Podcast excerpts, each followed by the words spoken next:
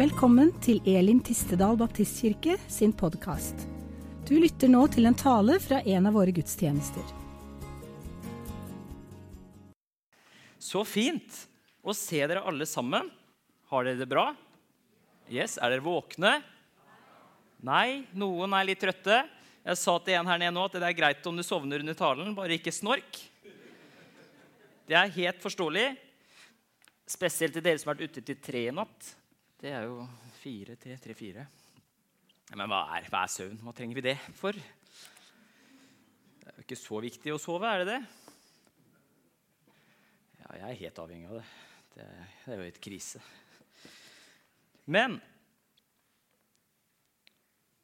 jeg vil tjene han til solen går ned. Var det det dere sang?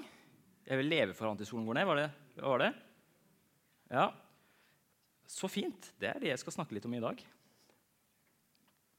Og eh, før vi setter i gang, så tenker jeg at vi kan be en liten bønn. Kan vi ikke det? Takk, far, for eh, det vi får lov til å se nå. Takk for at vi kan få lov til å feire livet. At vi kan få lov til å feire deg som veien, sannheten og livet. At vi kan få lov til å begraves med deg, legge det gamle livet igjen og stå opp med nytt liv. Der vi vet at du er med hver dag. Du passer på oss, og du, du leder oss, og du ønsker å dra oss nærmere vår far. Det takker vi for, Jesus. Nå ber vi for, eh, for eh, prekene nå. Vi ber for eh, det sosiale samlingen her nå. Vi ber for relasjonene. Vi ber om at det, er det som skal sies, at det kommer fra deg, at det er dine bilder, at det er dine poenger som kommer fram, far. Så ber vi om at du skal lede meg til jeg er lydhør for deg nå. Jobb i benkeradene, jobb i våre hjerter, og gi noe til hver enkelt en her. Jesu navn. Amen. Så greit. Er det noen som ser eh, huset sitt? Er det noen som ser hva det er for noe på den skjermen? Det er jo kanskje første spørsmål. Tellus var det noen som sa. Det er helt riktig. Den blå planeten blir det også kalt. To tredjedeler av den er dekket av vann. Tenk det. Det skal vi være glad for. Her bor du og jeg. Og eh, alt menneskelig liv vi kjenner til, og som jeg også tror eksisterer der i verden, i dette universet, det er på den lille, blå planeten der. På den lille, blå planeten der er også den planeten Gud valgte å bli menneske på. Leve et liv, dø og stå opp igjen. Det er et episenter, selv om vi ikke er i sentrum av solsystemet vårt. og Det skal vi være litt glad for, for da hadde vi ikke eksistert. Da hadde vi blitt kokt, eller stekt. Altså, først kokt, og så stekt. Først så ville vannet fordampe, og så ville vi bare blitt forkøla etterpå. Så vi skal være veldig glad for at vi ikke er i sentrum av verken solsystemet eller, eh, eller uh, Melkeveien. Da. For da hadde ikke du og jeg kunnet stått her eller sitte her nå. Fantastisk. Men det er, ikke, det er ikke den vi skal snakke om nå. Jeg skal snakke litt om noe annet. Jeg skal snakke litt om tid. Og tid er et konsept som er veldig vanskelig å forstå. Eh, jeg snakka med en jente i ungdomsarbeidet her nå før jul en gang. Eh, Eh, som sa at hun syntes det var vanskelig å beregne tid. Eh, og det kunne også foreldra bekrefte. Eh, jeg har noen elever som sier 'bare vent litt til' når det ringer inn på skolen. Så kommer de med et kvarter etterpå. Og Da spør jeg dem hva er litt til. Jeg skal bare litt på do. Blir borte et kvarter, en halvtimes tid. Du går og banker på. Går det bra? Lever du? Puster du? Ja da! Ja, Du har sittet her snart halve timen. Å ja. Tid det er litt vanskelig å få grep på. Hva er tid? Eh, men tiden er en måte for oss å ordne begivenhetene i forhold til fortid, nåtid og fremtid. Jeg skal ta dere med på en, en undervisningsøkt nå som jeg har hatt med mine elever på mellomtrinnet. 5., 6. og 7. Når jeg spurte om de forsto det, så gjorde de sånn. Så ikke for å legge press på dere, men jeg legger litt press på dere. Jeg har sjekka det med elevene mine. De forsto det. Nå håper jeg at vi skal klare å få til det samme her i, dag. Denne søndagen. Så klarer vi å koble det litt på. I dag så ser vi raskt på armbåndsuret vårt, eller på mobilen for dem som syns det er en lettere måte. Jeg, jeg fikk spørsmål en gang ville du lagt fra deg mobilen din eller klokka di. Jeg ville lagt fra meg mobilen min. Jeg er så avhengig av klokka mi. Du har jo klokke på mobilen. Ja, det er greit, det, men uh, jeg vil heller ha den på armen. Så jeg er veldig avhengig av den klokka. Eh, og så for meg så er den en absolutt viktig nødvendighet for at jeg skal få min dag til å gå opp. Jeg, jeg setter meg ned på do så ser jeg ok, hva er klokka nå? Ikke sant? For ellers så forsvinner jo dagen. Jeg setter meg i bilen når jeg skal til jobb. Ok, Klarer jeg å kjøre inn ti minutter? Jeg gjør ikke det. vet du. Ja, ja. Da kommer jeg ti minutter for sent i dag. Altså, man bruker jo hele tiden tiden til å beregne hvor vi er i dagen. Eh, på sommerstid så klarer jeg å se på sola så klarer jeg å se cirka hva klokka er. Det lærte jeg meg da jeg var litt yngre. At jeg synes det var litt moro å ha den ferdigheten. Problemet er at vi bor i et land der sola går lavere og lavere på himmelen. Så den klokka blir mer og mer ujevn da, utover høsten eh, og, og, tidlig vår. Så er den ikke like lett å lese. Men midt på sommerstid da, da trenger jeg ikke klokka. faktisk, da, Ved mindre overskya. da. Men, men, men vi beregner tiden hele tiden. Hvor langt er et sekund? Hvem var det som satt et sekund? Dette er sekund, tror jeg. Men det må jo være en som satte seg ned og bestemte det en gang. Hvor langt et sekund er. Og så begynte de å dele opp og regne opp døgnet. Og så vet du at er 60 ganger 60, altså 60 sekunder ganger 60, er jo én time. Og så, vi, bestemte, så, bestemte vi oss for at en time det, det, er 24 av dem i døgnet. Og så har vi lært på skolen at et døgn består av hvor mange timer? Og la meg fortelle at dere er blitt løyet til. For det er bare 23 timer, 56 minutter og 4,2 sekunder i ett døgn. 4,2 sekunder. Altså Noen tar seg tida til å regne på sekundene. Men det handler jo om at vi har noe som heter skuddår hvert fjerde år. Og det er jo for å ta inn den dagen vi måtte legge til i løpet av fire år. da. Men det tallet her, da 31 556 926 sekunder. Vet du hva det er for noe? Det er året ditt. Det er hvor mange sekunder du har i et år. Og når jeg ser på det tallet der, så kjenner jeg jeg får en liten klump i, i, i brøstet. For jeg blir litt stressa. For sekundene går jo så fort.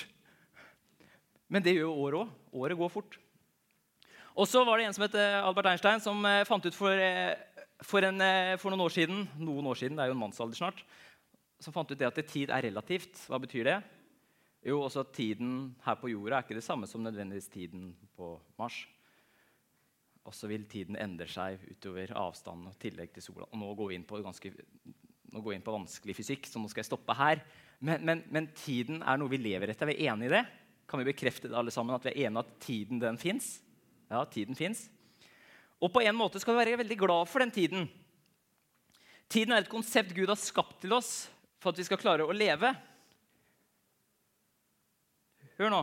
Tiden er skapt av Gud for at vi mennesker skal klare å leve. Altså, Gud lever utenfor tid. Gjør vi det? Nei, vi lever i noe som heter tid. Og det leser vi fra side 1 i Bibelen vår. Så hvis du blar opp i Bibelen din, så kan du se allerede på side 1 at Gud anla tid. I begynnelsen Ja, ja men bare i begynnelsen. Det er første orda. Også Gud anlegger tiden i begynnelsen. Ser dere den? Skapte Gud himmelen og jorden. Så det må jo være et tidsperspektiv her. da. Og så skapte han etter hvert sol og stjerner, måner og planeter. Dag og natt. Og så systematiserer Gud tiden ved å gi oss døgnene. Han systematiserer uka vår. Hva er det han skaper på dag seks? Han skaper Adam. Han skaper menneske. Adam, hebraisk menneske. Og så setter Gud mennesket inn i den tiden og det systemet Gud har skapt for at vi skal leve i. Og hvordan kan jeg si det? da? Det er, så, altså, det er gjennomtenkt, den tiden vi har. Og hvordan verden er skapt. Altså, Roy Nordbakke kunne sikkert tatt dere mye lenger inn i det her. Det her er jo faget hans på mange måter. Men, men tiden vi er avhengig som mennesker, den, den må ikke rokkes med. Eh, og så står det at den syvende dagen hvilte Gud. Den syvende dagen hvilte han fra sitt arbeid. Jeg tror ikke Gud trengte å hvile, men jeg tror vi mennesker trengte et forbilde. Det tror jeg. Det er i hvert fall sånn jeg forstår historien. Og Den syvende dagen som hviledag det er et tema som går gjennom hele Bibelen. Og så kom han til Jesus. For i løpet av skaperverket fram til Jesus så hadde man fått en misforståelse at Gud skapte sabbaten for mennesket, måtte hvile. Men så sier Jesus det Altså, det er jo sant, for så vidt. Men så sier Jesus det Gud skapte sabbaten for mennesker, ikke mennesker. Altså, menneske for sabbaten. Sabbaten er noe som skal hjelpe oss. Det er ikke noe som skal binde oss. Og så valgte Josef Stalin Har du hørt om han? Han er en ganske spesiell type. Han er Ja. Ja Kan søke opp han sjæl. Kan få gjøre dere egen mening om hvem han er og hva, hvordan livet hans gikk. Men, men han bestemte at eh, hele Sovjetunionen i 1930 så, så han på, på, dataen av hva de klarte å produsere i Sovjetunionen, og hvor mange mennesker som bodde der. Så var han misfornøyd, for vi klarte ikke å produsere nok. De ville ha mer produksjon. Og så ser Josef Stalin på kalenderen og ser at vi har en fri dag. Hver syvende dag. Så i 1941, nei, 1931 så innfører Josef Stalin et nytt system for Sovjetunionen for å øke produksjon. Han innfører 11 ukers Nei, der du hviler en tolvte dag. Og den varte fra 1941, nei, 1931 til 1941. Resultatet var at mennesker døde som fluer. Totalt feilslått. Man jobba seg i hjel. Tid er viktig for oss. Tiden, det er det vi lever i, er det systemet som passer på oss. Og hva bruker vi tiden vår til, da? Hva bruker vi tiden til? Ja, det kan du bare svare på selv. De sier at vi sover en tredjedel Åtte timer. Det vil ikke jeg endre i mitt liv.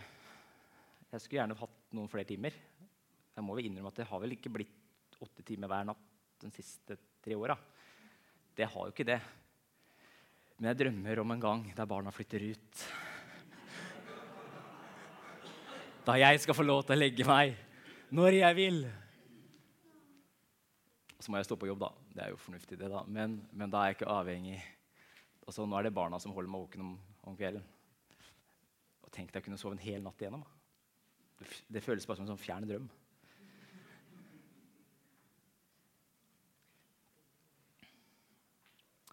Men la oss snakke litt da, om eh, om det her med tid og hvordan vi bruker tiden. Eh, vi skal bevege oss over til annet. Eh, nå har vi litt om tid, og vi er enige om tiden eksisterer. og det, det, påvirker oss.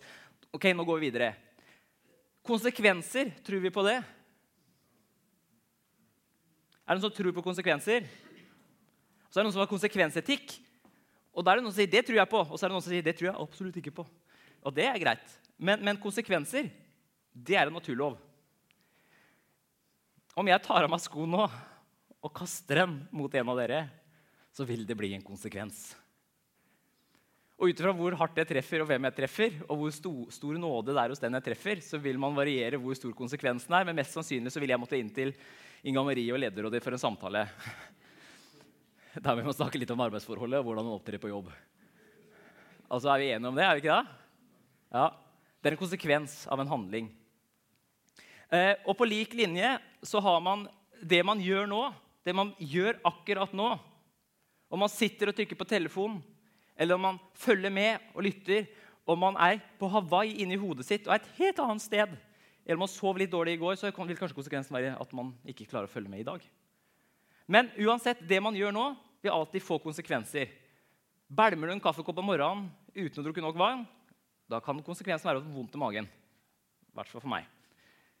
Løpe med kaffemage absolutt en konsekvens. Spise riktig.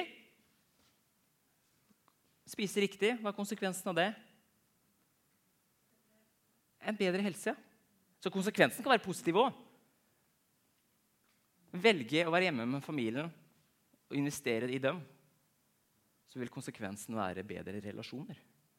Altså Det handler om å slippe en stein i vannet. og jeg skal ta det bildet nå, så vil det bli ringer. uansett hva man gjør. Eh, min bror han var litt uheldig en gang og traff en mann over på overgangsfeltet på en mørk kveld, en regnværskveld, og Han hadde ikke refleks og ikke svart bukse og svart jakke. Hadde jeg sittet i bilen, så tror jeg hadde jeg gitt den inn etter noter. Ikke broren, altså. han som gikk på overgangsfeltet der. Men, men altså, så små ting som å ta på seg en refleks om kvelden kan ha store konsekvenser. Bare for å bruke et bilde, et litt brutalt bilde. Men det man gjør nå Og nåtiden det er litt viktig å forstå. da. Nåtiden vi snakka om i stad, er i stad. Og så kan vi jo snakke om en nåtid der framme som kommer i framtiden. Altså, nåtiden er jo konstant hele tiden nå. Er vi enige i den?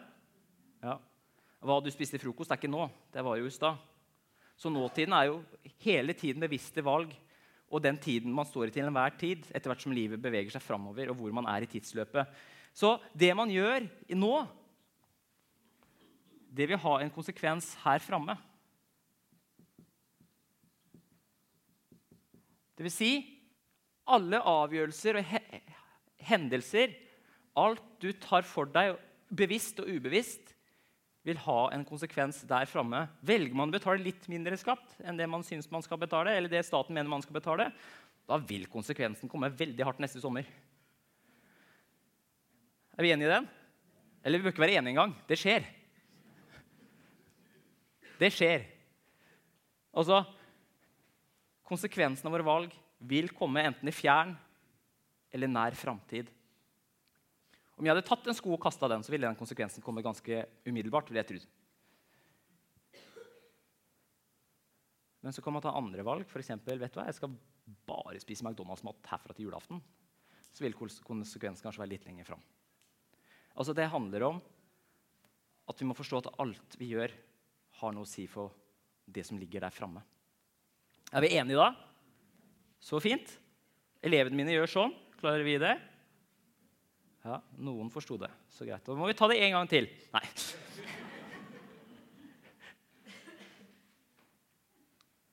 Eh, vi skal ta og bruke et annet bilde. Oi, var ikke det kult? Mm. Jeg har ikke sett en smartboard gjøre det nå. altså. Vi kan eh, tegne en eh, livslinje. Og jeg måtte google litt eh, i dag. Du blir født. Gratulerer med bursdag, fødselsdag. Du dør. Uh -huh. Kommer litt an på hvordan du dør, kanskje.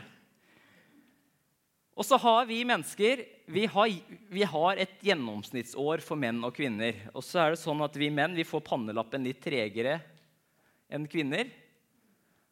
Og så så jeg på en vekstpyramide for menn og kvinner i Norge sammen med elevene mine nå på tirsdag. Og så kom det et spørsmål hvorfor er det så mye færre menn enn kvinner når man kommer litt opp i åra. var det en elev som spurte, og da var svaret mitt jo, for da slår midtlivskrisa inn. Du tror fortsatt at 22 år, og så kjører jeg deg på motorsykkel. Og så sitter de og så titter de litt rart på meg. Og så måtte jeg forklare selvfølgelig at man ser dessverre at menn har et kortere liv enn kvinner. Og så ser man at kvinner er fryktelig seige, faktisk. Statistisk. Utrolig hva dere klarer å overleve. altså. Så det er, jo, det er jo gjort et eller annet uh, Det er et eller annet vi mennene ikke har klart å catche, men det må jo være den pannelappen som aldri blir ferdig. Det er min teori. Eh, ikke quote meg på det. Men, eh, men, vi ser at menn har 81,5 års gjennomsnittlig levealder i Norge i dag. Mens f.eks. kvinner de har 84,9. Så vi tar innpå. da. Det var, det var større spenn før. Men hallo, vi trengte jo ikke sikring når vi jobba på stillas før. Vi trengte hjelm. Hva skal vi med hjelma? Nei, den er ikke ladd. Det er jo noe andre ville sagt, kanskje. Altså, jeg har kontroll. Denne bilen her går så fort, den. Så det går fint. Vi kjører forbi her. Altså, det, vi, det, er mange grunner til at man ikke lever så lenge. Men man har et gjennomsnittlig liv, da, hvis vi går til livet. Du har et gjennomsnittlig liv, og så er livet slutt. Og For noen så slutter det bråere enn for andre. Noen klasker i bakken i en alder av 24. Andre kan klaske i bakken i en alder av 100. Og så, Vi vet aldri når livet tar slutt. Min eh, bestefar han sier det vet du, at dere, Jeg vet ikke om jeg er her neste helg. Men hvis Gud vil, så ses vi. Ikke sant? Han har fantastisk avslappa eh, forhold til det. Men, men, han fortalte en gang da han lå i skogen og hadde fått et tre over seg Det, hadde, det, gått, det, gikk litt stygt. Vi trodde vi skulle miste den. faktisk, det mange her. Og så fortalte han for noen år siden nå, da, hvordan han opplevde det her var i 2014. skjedde det her med han. Og så fortalte han nå i fjor hvordan han opplevde å ligge der. og Han så opp mellom trærne. Så spurte jeg hva gikk gjennom hodet ditt da, bestefar. Da tenkte jeg det Ja, ja, nå skal jeg hjem til far. og så sa han Men jeg var helt avslappa. Altså, jeg var ikke redd, sånn. Det var litt kjedelig, men det var liksom ikke noe det, ja, Man vet aldri når et tre kommer og tar deg. Men, men, men livet tar slutt en dag. Og så har man denne tanken da, altså i verden altså Verdens forståelse av livet det er noe man kaller yolo. Har du hørt det uttrykket før? Yolo. Og Det er en veldig vanlig tanke. altså ungdommen, Det går kanskje litt ut blant ungdommen nå. Men den tanken om at du lever bare én gang, altså you only live once, også denne tanken om at du har ett liv, bruk det. Det er en veldig sånn fin filosofisk tankegang som verden måtte presse på gjennom TV og hva det måtte være, som vi tar inn over oss. Og Jeg er ikke imot på mange måter den greia der, men det er denne La oss gjøre noe dumt. Vi lever jo bare én gang. Denne tanken her, da. Det burde jo hatt en motsatt effekt. Du lever jo bare én gang. Hvis du ikke har noe håp om noe etterpå, så ville man jo, i hvert fall jeg, da, tatt det litt mer rolig. Men når jeg setter meg opp i karusell da, med en ungdommer for noen år siden, jeg jobber på salen, og så spør de er du ikke redd. Nei, jeg er jo frelst, jeg. Det her går jo bra. I verste fall så, så dør jeg jo. Det, hva er det å være redd for? Og så bare titter de rart på meg da, ikke sant? og lurer på hva jeg snakker om. Men, men det handler om at det, i verden i dag så er det en sånn yolo-tanke. Du har ett liv. Når du er død, hjertet slutter å slå, da er vi ferdig. Og så leser vi i Bibelen om f.eks. Eh, Peter. Har du hørt om han? Kan vi si Peter? Peter, ja. Han eh, hadde en sånn yolo-tanke. Og La meg forklare den. Peter han ønsket veldig å bli stor hos Jesus. Og Det ser vi hvordan han eh, hele tida var frampå. Og så ser vi at Jesus den ene gangen både virkelig, virkelig treffer innersvingen. Og så, og så går det to setninger i Bibelen vår, og så blir den kalt Satan etterpå. For det, ting skal skje til hans hjerte. Og så ender det med at Jesus måtte med å rettesette den. Først så sier Jesus ja, det her er Gud gitt deg, og så går det noen setninger, og så gå bak meg, Satan. Du skal ikke hindre Guds vilje å skje. Og så Det handler om at der, Peter han var, han var, veldig på, men han ville ikke slippe på den forståelsen av det livet han hadde. Og så Det ser vi veldig klart på skjærtorsdag, når de kommer og tar Jesus. Og alle flykter, og Peter han, han følger etter på avstand. Og Så fornekter han én gang. Han blir konfrontert. Er ikke du en av Jesus' etterfølgere? Nei, absolutt ikke. Og Så blir han eh, konfrontert andre gangen. Er, er ikke du en av Jesus' sine disipler? Nei, ja, nei, nei, du må nok misforstå meg med en annen. Så blir han konfrontert den tredje gangen, og da banner han på det. At han ikke kjenner Jesus. Dere tar feil mann. Peter var redd for å dø. Han hadde en yolo-forståelse av livet sitt. Altså, du har ett liv. Og så leser vi at det skjer noe på pinsedagen. Altså Jesus dør, Jesus står opp. Jesus og Peter får lov til å skvære opp. Jesus, nei, Peter får lov til å fortelle Jesus tre ganger at Jesus betyr alt for ham. På den måten så skværer Jesus opp med Peter, og Peter kan få legge det bak seg. Og så leser vi likevel at jødene de låste seg inne. De var litt i, gjemte seg litt. Jeg var redd for at jødene skulle komme og ta dem òg. Så står det på første pinsedag, når alle var samlet, står det. Så kom Den hellige ånd, og så skjer det noe. Hvem er det som steller seg fram? Altså, det blir jo et rabalder av dunkemusikk og hiphop-lys og alt som er. Og Den hellige ånds gater, eh, altså Jerusalems gater fylles med mennesker av Den hellige ånd. Og det blir helt, det blir fullt party i gata. Og Så kommer de og sier de er fulle, sier, og så ler de av disiplene. Og så står Peter fram. Nei, de her, de er jødiske menn. De her er ikke fulle. Og så holder Peter denne kjente talen, fantastiske talen som Man kan lese i Apostlenes gjerninger helt i starten der. Den feigingen av en som ikke vil innrømme at han kjente Jesus engang, er den som står på hustakene i Jerusalem og skriker ut og ber dem om å omvende seg. Og legger ikke skjul på noen ting. Den Jesus dere korsfestet. Det er brutale ord. Frykten for døden, den forsvant. Hva er det som skjedde? Jo, Peter han fikk et annet perspektiv på livet. Hva skal jeg si, Et, et evighetsperspektiv. Der du er født. Men selv når du dør, så lever du. Peter får en annen forståelse av hva livet er for noe. Og Hvis du skal kalle det noe, så kan du kalle det hjulpostol. Det var et vanskelig ord. Men det er You only live twice, but the second time you live forever. Altså, Du lever bare én gang, men andre gangen du lever, da lever du for alltid. Altså, Du lever i evigheten, for å bruke et litt sånn teit ord. Men, men det handler om at det, som Paulus sier, døden er en vinning. da. Og så leser du da disse brevene mellom disse offiserene eh, som skal prøve å håndtere den første kristne i Tyrkia 100 år etter at Jesus har dratt hjem. Og så sender en offiser et brev til, til keiseren, eller keiseren sier jeg, til, til Rom og spør hva skal jeg gjøre.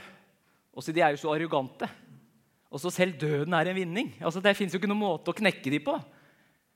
Nei, For de har en annen forståelse av hva livet er for noe.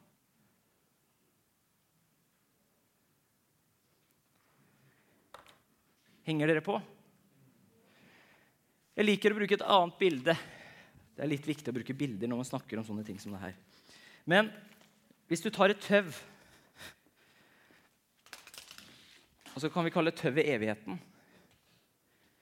Så har du den røde fliken der. Kristian, det er dine 81,4 år. Er det mye? Nei, ikke når du ser det i sammenheng med alt som kommer etterpå. Men sjelen vår, dere, kroppen vår dør. Men sjelen vår, den er bestemt for noe annet. Altså Destinasjonen til den er en evighet. Når kroppen vår gir slipp på sjelen har hørt om, også, Han utåndet. Har dere hørt ordet før? Jeg vet hvor dere kommer fra. Han utåndet. Når, når, når Gud former Adam i første Mosebok, så står det at Gud gjør noe. Han innåndet, ga Adam sin ånd. Og så Det står 'ruach', er det hebraiske ordet. Også, å innånde å puste, eller luft, vind. Det er det samme ord for alle disse ordene her. Så sier det at Gud gir mennesket, eller Adam, sin ånd. Den ånden bor i oss. Og så er det en jødisk tanke og forståelse at den ånden den har vi på lån. Fram til vår død, vår kropp dør. Da gir kroppen den fra seg igjen. Det er et jødisk uttrykk å utånde. Står det også om det med Jesus på korset, så utåndet han. Han ga opp sin ånd til Herren, til Gud. Så selv om kroppen din har et ganske relativt kort levealder, best før dato Ikke dårlig etterpå nødvendigvis. Noen lever jo fryktelig lenge. Er ikke, kroppen er kanskje ikke 20 år heller, men, men, men den fungerer så har man en evighet. Og Det er dette perspektivet jeg prøver å liksom male litt for dere. da. For det man gjør her, i denne korte perioden her på jorda, når man tar sine runder rundt sola og Noen får 80 år, noen får 75, noen får 60, noen får 40, noen får bare 18. Og noen får aldri oppleve å bli konfirmant. Men det er den tiden her som setter destinasjonen for resten av evigheten. Og hva er evighet for noe? Jo, evighet det er en tid. Eller tid er et dumt ord, men det er en tidsperiode uten tid. Gud lever utenfor tid. Vi skal få lov til å være med Gud i denne tidløse tidsperioden. Og Det er litt vanskelig å forstå, men la oss tenke bare det. da. At det er bare en evig lang trommel med tau der vi skal få lov til å være sammen med Gud. Og da er det litt viktig og se på det livet vi lever nå. Og nå kommer det her jeg blir litt stressa for da, når jeg ser disse sekundene mine. For jeg bruker altfor mange sekunder på do. Og det kan kona bli enig om, tror jeg. Det er hun som har påpekt det. Altså, Det handler om at vi har ett liv. Og jeg sier ikke det her for at dere skal ha dårlig samvittighet. Jeg sier det her for at vi skal våkne litt opp. ok? Hva er det vi bruker tiden vår på? Det er noen eh, eh, Mediatilsynet kom ut med en rapport om barn, barns bruk av skjerm for noen eh, måneder siden. Og det er jo skremmende å lese. Hvordan man kan bli slave til en skjerm. Ja, det kan være en god, godt verktøy i læring. Men man må jo kanskje innrømme at det er minst læring som skjer, og mest annet. Og det drives av noe som heter behaviorisme. Altså, jeg har drevet en del med Spesped. Og så hadde jeg en elev som er het altså Vi satt og jobba matteoppgaver på skjermen, og hver gang han gjør riktig, så blir det sånn ding, altså en sånn lyd, og så blir det en pokal nede i ene hjørnet. Han var ikke interessert i å få riktig. Han var bare interessert i å få den pokalen. Så han satt jo og jobba seg fram på alle mulige måter. Så han satt, liksom, kom han til et regnestykke han ikke klarte å regne ut, så tok han én. Og så sjekka han om det var riktig. Nei, to. sjekka var riktig. Så jobba han til han fikk pokalen. Og så Man fjerner behovet for å lære, og så er det belønningen man går etter. Jeg, jeg syns det er så morsomt å se Motts bakeri, eller hva det heter, nede under spenst. Da du ser da disse som går ut, er så fornøyd. Nå har jeg trena en halvtime. Så går de rett inn på Motts bakeri. Kommer ut med en kaffe og en sånn kanelbolle med sånn hvitt på. Mm, jeg fortjener dette. Og så ler vi litt av det, men det er sånn vi er. Det livet vi har, hvilket perspektiv har du på det? Har du et evighetsperspektiv, eller har du dette yolo-perspektivet, som jeg det litt stygt? For det yolo-perspektivet det skaper menneskefrykt, det skaper frykt. Altså, la meg forklare det. Med et yolo-perspektiv så får du ikke levd det Gud har lagt ned i deg til å leve ut. Karl Emil sto på gata i går sammen med Christian og flere i Fredrikstad. Det er radikalt, er det ikke det? Det koster litt, det. Det er litt skummelt. Ja, Men du gjør det likevel. For det handler om et perspektiv. Hvilket perspektiv har du? Og Hvis vi klarer å se livet i et evighetsperspektiv, da, sånn som Peter og gutta gjorde, Paulus, den gjengen der, de martyrene som gikk foran, så er ikke døden et tap, men en vinning. Hvis du klarer å ha det perspektivet, så klarer du også å ha med deg det når du står for vanskelige valg. Skal jeg ta den lette veien nå? Eller skal jeg ta den riktig? Skal jeg ta og gjøre det som er lettest, og slippe unna? Eller skal jeg stå for det som har skjedd, stelle meg opp og representere det jeg skal representere, eller stå for det som har blitt gjort galt? Med et perspektiv om evigheten så hjelper det deg til å sette valgene dine på prøve. Du klarer et annet perspektiv på det man står i der og da. Men du må være klar over det. Jesus, han, eh, nei, Vi leser det i Jesaja 43. Jeg er den som utsletter dine misgjerninger for min skyld, og dine synder kommer jeg ikke i hu. Tenk deg det. Vi har en Gud som velger å glemme det vi gjør feil. Og Så leser vi videre i Bibelen litt senere. Fatt da et annet sinn og omvend dere, så deres synder, kan bli, så deres synder kan bli utslettet, og det kan komme tider med fornyelse og trøst fra Herrens åsyn. Apostlenes gjerninger 3.19. Det er Peters tale til folket. Omvend dere. En aktiv handling. Om vi klarer å sette evighetsperspektivet i vår tankegang og vårt liv, så klarer vi også å overvinne de situasjonene vi står i vanskelige valg, og stå for det vi skal stå for, og gjøre det vi skal stå for. Vi klarer å gjøre det som gagner Guds rike. Og så har man Bjørnar Helmstad, hvis det er noen som vet hvem han er. Han sa noe så vakkert som at Jesus' siste befaling er vår første prioritering. Hvorfor driver vi menighet? har vi stilt spørsmål i hele høst. Nei, ja, i høst. Hvorfor er vi her? Hvorfor gidder vi det her? Hvorfor er vi ikke tett i IF? Hvorfor går vi ikke og heier på Brann i stedet for? Hva er det som skiller oss fra en idrettsforening eller Røde Kors eller hva det måtte være. Jeg sier ikke at det er feil noe av det andre, men vi som menighet, vi er noe annet. Og Hva er grunnen til at vi er noe annet? Jo, det er grunnen vår. Det er Jesus' siste befaling, vår første prioritering. Meg er gitt all makt i himmelen på jord. Gå derfor ut og gjør alle folkeslag. Det gjelder også dem i Aremark, hvis noen lurte på det. Alle folkeslag til disipler. Og så kommer, Hvordan gjør man det? da? Idet dere døper dem, døper dem til Faderen, Sønnen og Den hellige ånds navn. Og så kommer fortsettelsen. Det er vår menighet nå, sin oppgave nå å følge Kalemil opp i bønn, undervisning, støtte han økonomisk når han trenger det. Det er vår oppgave å bygge et trygt miljø rundt den gutten der nå. Og det er ikke bare min og Kristian sin, det er samtlige her av oss som går på Elim og på en måte sverger troskap til det fellesskapet her. Og da kan du ikke komme til meg om det går galt med han, og skylde på meg eller Kristian, for du har like mye ansvar.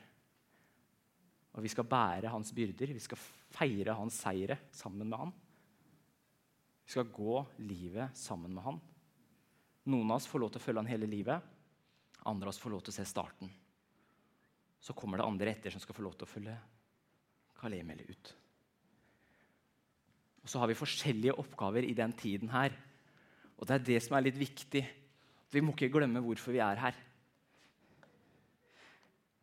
Jeg traff to fantastiske familier når jeg bodde i Spania med kona mi. Og det som har inspirert meg så fryktelig mye med dem, var at de når som helst kunne lagt måte, verktøyet på hylla og sagt nå har vi gjort nok. Men de valgte å leve livet til det ytterste. Og det er litt viktig. da. Jeg er med dere alle dager inn til verdens ende. Er det noe sluttpakke i denne avtalen her? Ja, det er jo det. Verdens ende. Jorda er rund, da, dere. Altså, Det handler om Vår oppgave det er fram til vi dør. Da er vi hos Gud. Og Det er derfor jeg syns disse historiene er så fantastiske. José og Elisabeth fra Alicante, de, det er de til venstre der, de er vokst opp i Chile, kom til Norge, bodde i Norge, oppdratt sine barn i Norge. Når barna flytta ut, Vet du hva de fant ut da? Nå er tiden inne til å dra på misjonsmarken. Hvis du, veldig Mange kjenner til Alicante, for det er der veldig mange drar for, for ferie. Men de bor ikke i Alicante for å ligge på stranda. Nei, de bor i en by litt innafor Alicante som heter Petroer. Ca. en halvtime kjøring vestover inn i landet. Der driver de sin menighet. Pensjonister Men kallet, det er der. Oppgaven er der. Misjonsbefalingen er klar. Tydelig menighetsdriv. Altså, Den driver menighet på en så tydelig måte. Spør, koster det ikke noe? Det koster masse, for barnebarna er i Norge. Det var det som var det tyngste. Men vi må ikke glemme menneskene i Peterer. De hadde et hjerte for den byen. Så har vi Therese, hun i rød der som står ved siden av med capsen der. Jeg vet ikke hvem det er. men... Uh, og så har vi Juan Antonio. Juan Antonio er spanjol. Therese hun er fra Stockholm. De møtte hverandre på noen språkreise når hun var i Spania for mange mange år siden. og Så ble de stupt forelska, og så ble de der. De har bygd tre kirker. De De bygde først én kirke, for det trengtes en kirke i det området litt utenfor Barcelona der de vokste opp. Men den ble for liten, så de bygde én til noen år senere. Og så ble den for liten. Og har han bygga en sånn altså megachurch, jeg liker ikke det ordet, for det er så negativt lade, men han bygde en gedigen kirke på dugnad. Han er, han er murer. Han gjør alt gratis. Så spør jeg hvorfor gjør dere det her. Og så alle barna har sånne nordiske navn. Er kjempegøy. Markus het han ene. Ser ikke ut som han heter Markus. jeg hadde kalt han Marco, jeg, da. Men, men, men hele livet deres peker på hva de tror, og hva de gjør. Og Det som er litt vakkert der, er det treet de så ved. Det er det samme treet. Det ble så sterkt, det bildet. Jeg måtte spørre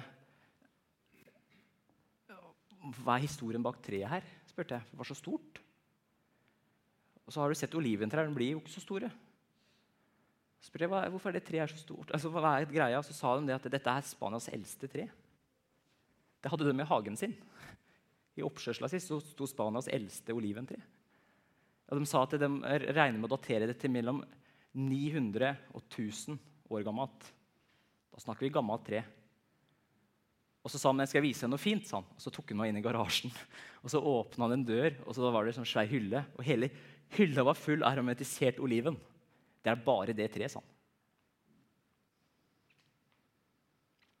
Et gammelt, gammelt tre som gir rikelig med frukt.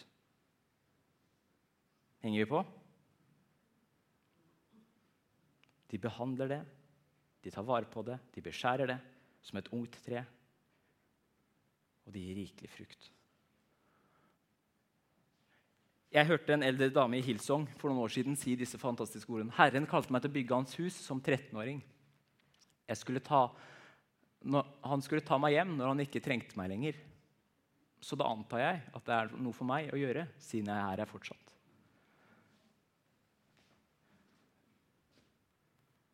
Hvor lenge skal vi tjene? Når skal vi legge måtte, arbeidslivet på hylla og tenke at nå er vi pensjonert i Guds rike. Nå snakker jeg litt til de eldre her. Men jeg snakka med Bjørnar i Betania Rakkestad i går, nei, forgårs spurte hva er den sterkeste ressursen her. Og vet du hva han sa for noe? Det er pensjonistene. Sånn. De har tid, de har visdom, og de har en ild. Og det har vi her òg. Hvis du ser alt det arbeidet vi driver i denne menigheten, her, så drives det av alle generasjoner. Og spesielt dere eldste som har bygd denne menigheten her. Dere har ikke gitt dere ennå. Så er det som Bestefar sier det går litt smått, men det går, sier han innimellom. Det går ikke så fort. Men greia er, Hvis du aldri gir deg, så får du gjort ganske mye likevel.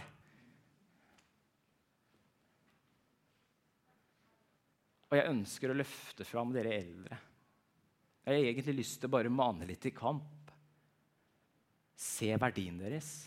Vi er helt avhengige av dere. Vær så snill å ikke gi opp deres tjeneste. Hva er det du har på hjertet? Hva er det som brenner der? Hvilke muligheter har du å gi? Syns du det er best å være en meni, for å bruke det ordet, og bare få beskjed om hva du skal gjøre? Ja, så kom og si ifra. Vi har mer enn nok å gjøre. Er du velsigna med verdens beste bollebakst? Ja, men så vær så snill å velsigne oss, da.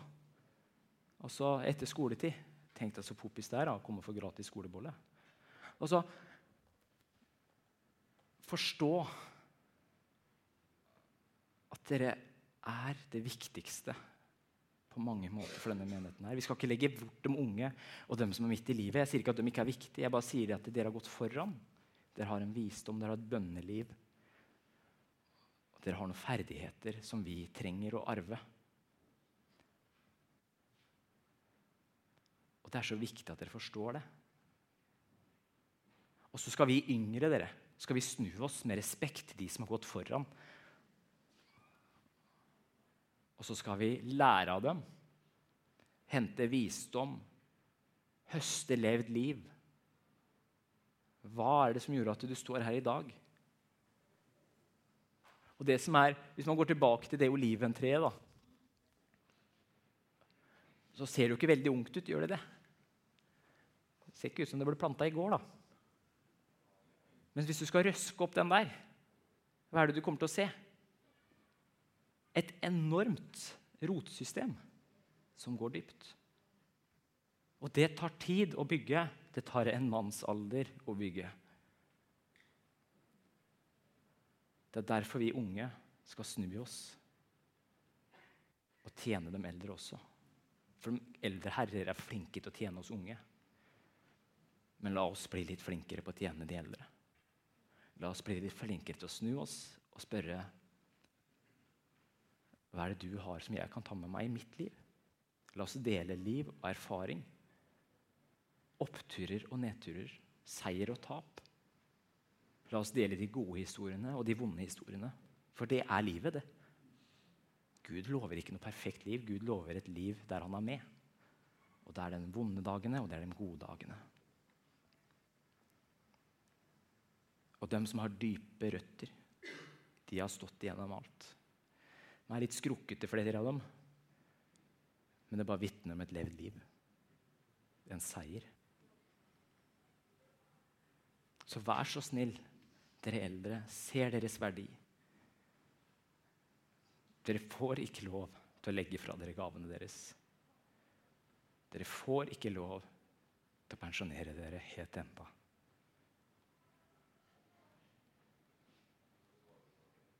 For det er nok arbeid. Høsten er stor, arbeidene er få. Nei, det går ikke så fort, sier de. Ja, men det er bedre at noen plukker noen få poteter, enn at jeg skal gå og plukke alle alene. Altså, vi trenger hverandre. Jeg brukte det bildet en gang før, men bruker det en gang til. Napoleon han hadde sine soldater. Og en helt egen tropp i denne hæren til Napoleon så var det noe som het Den gamle garde. Og Den gamle garde den var frykta.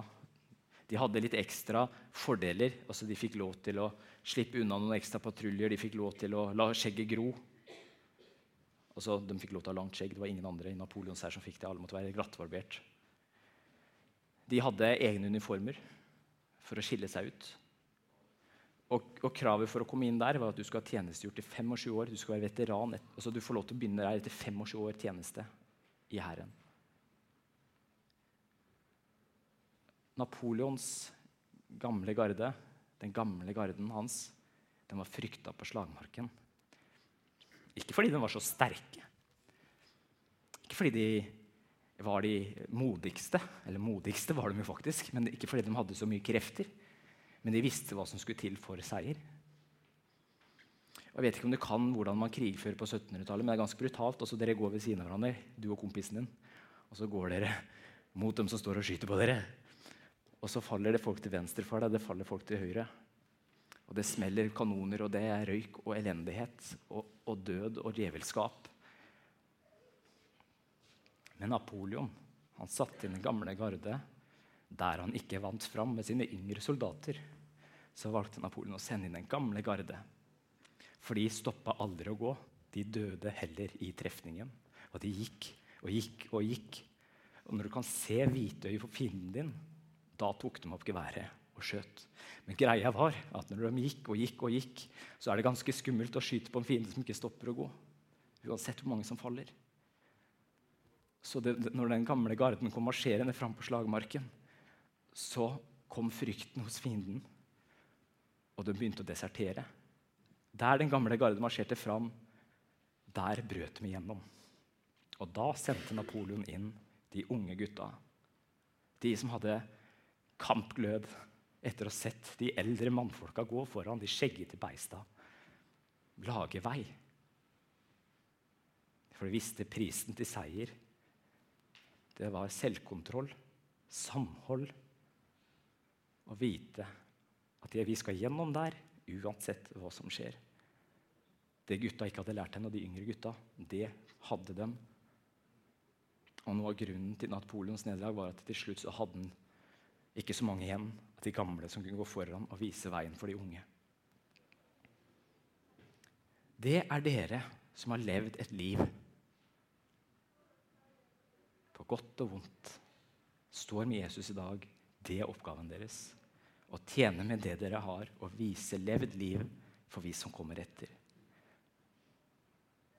For dere skaper en karakter i oss som gjør at vi kan få lov til å oppta kampen etterpå videre. Er vi med? Mm. Så legg ikke tjenesten din på hylla. Ikke tenk smått om det du har. Om det bare er et bønneliv, sier du. Ja, men et bønneliv, det kan flytte fjell. Så lær oss å be.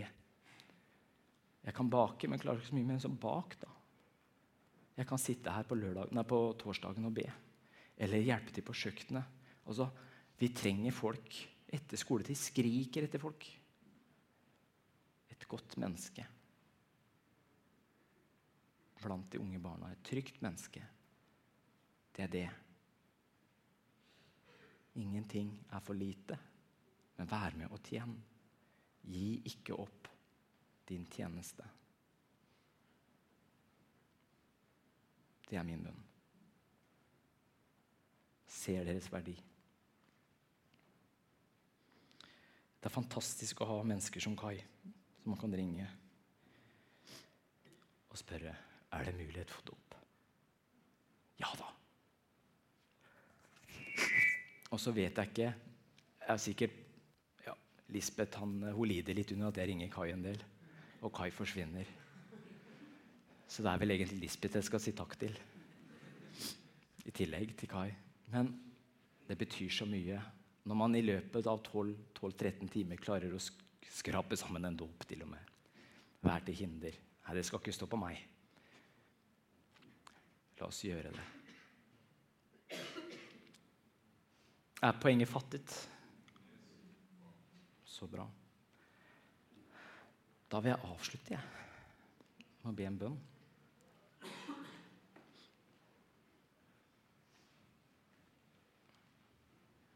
Takk, far, for den frukten og det livet som har gått foran. Takk for eh, at slekt følger slekt. At tider skal komme og tider henrule. Og at vi en dag skal stå fram for deg etter endt liv. Og da ber jeg, far, om at du må La oss få lov til å oppleve å stå framfor deg og høre ordene Godt jobbet, du gode tjener. Høre deg si de ordene idet vi kommer hjem. Hjelp oss å ha et evighetsperspektiv på livet vårt som hjelper oss å velge rett i de situasjonene vi står i. Hjelp oss til å med respekt og æresfrykt se dem som har gått foran far. Og ta etter dem og deres visdom lære å slå røtter ved rennende vann, sånn som de har gjort. I godt og ondt. Og bære frukt, far. Hjelp oss til å bære frukt hele livet. Ikke la oss bli late og slappe av og tenke at nå er det ikke bruk for meg lenger. Men la oss få lov til å tjene med det lille vi klarer og orker. Og bevisst bygge ditt rike. Hjelp oss unge til å,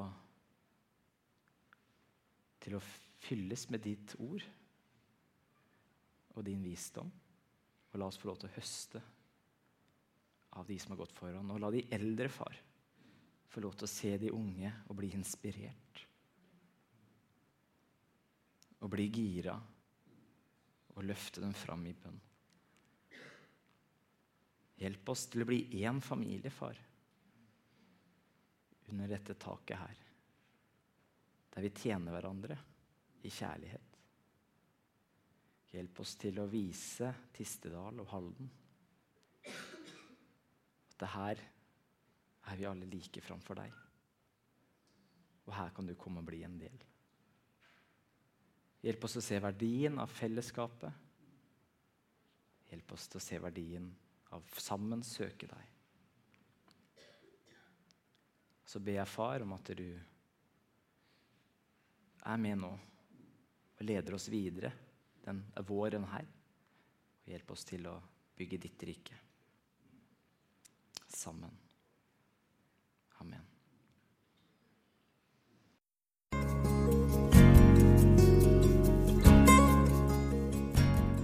Takk for at du lyttet til denne talen. Håper du ble inspirert. Ønsker du å vite mer om hvem vi er og hva vi gjør? Sjekk ut vår hjemmeside elintistedal.no.